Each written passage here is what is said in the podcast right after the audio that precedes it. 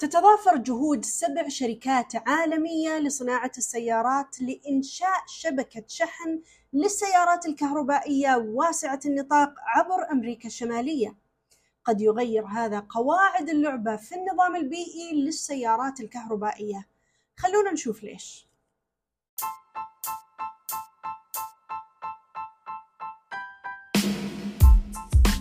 أهلا وسهلا فيكم في حلقة جديدة من بودكاست ريم تك أنا مضيفتكم دكتورة ريم دليلكم في عالم التكنولوجيا سريع التطور. هنا في بودكاست ريم تك نؤمن بالتعلم المستمر والبقاء في الصدارة. عشان كذا اليوم راح نركز على تطور هام في قطاع السيارات الكهربائية حيث أعلنت شركات بي ام دبليو، جنرال موتورز، هوندا، هيونداي، كيا، مرسيدس بنز وستيلانتس عن مشروع مشترك لبناء شبكة شحن عامة في جميع أنحاء أمريكا الشمالية.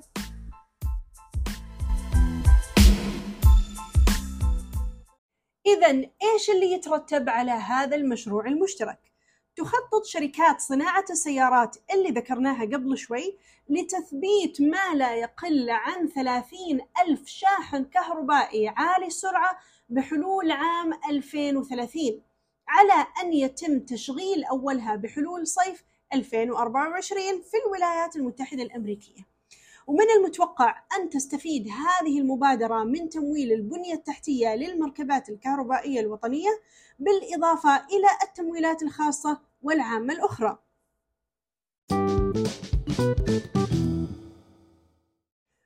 ومثل الكثير من شبكات شحن المركبات الكهربائية الحالية سيتم تركيب أجهزة الشحن السريع الجديدة للتيار المستمر من هذا المشروع المشترك على طول الطرق السريعة الأمريكية والكندية.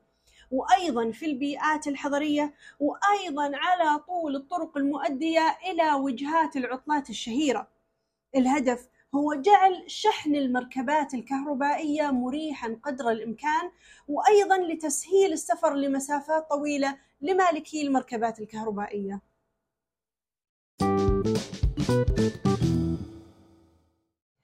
الشيء المثير للاهتمام بشكل خاص هو جانب تجربة المستخدم. راح تكون المحطات الجديدة قادرة على شحن طرازات سيارات كهربائية اللي صنعها صانعو السيارات الشريكة دون الحاجة إلى تطبيق محطة شحن أخرى. يتطلع صانعو السيارات أيضا إلى دمج معيار التوصيل والشحن المتطور اللي تحاول إدارة الطرق السريعة الفيدرالية توحيده.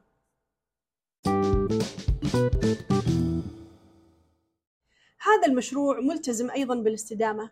من المقرر أن يتم تشغيل جميع المحطات بالكامل من خلال الطاقة المتجددة. وبالرغم من ذلك في هذه المرحلة مو واضح ما إذا كانت المحطات ستعمل مباشرة بواسطة الطاقة المتجددة أو ما إذا كانت الشركات راح تشتري ائتمانات للطاقة المتجددة. طيب ماذا عن معايير الشحن؟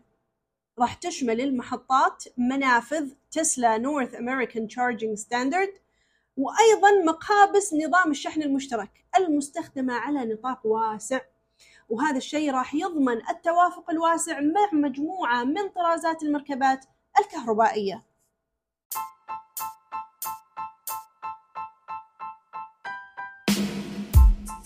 وبكذا نكون وصلنا لآخر حلقتنا اليوم. نشكر لكم حسن استماعكم ونحب نذكركم أن هذا المشروع المشترك يعد بتعزيز كبير للبنية التحتية لشحن المركبات الكهربائية.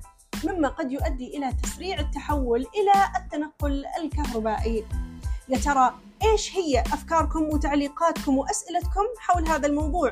لا تنسون تشاركونها معنا عبر تويتر at دكتور ريم العطاس أو عبر مدونتنا على ميديوم ريم تك خلونا نستمر في المحادثة ودائما ابقوا على اطلاع واستمروا في التعلم ونشوفكم المرة الجاية. والسلام ختام.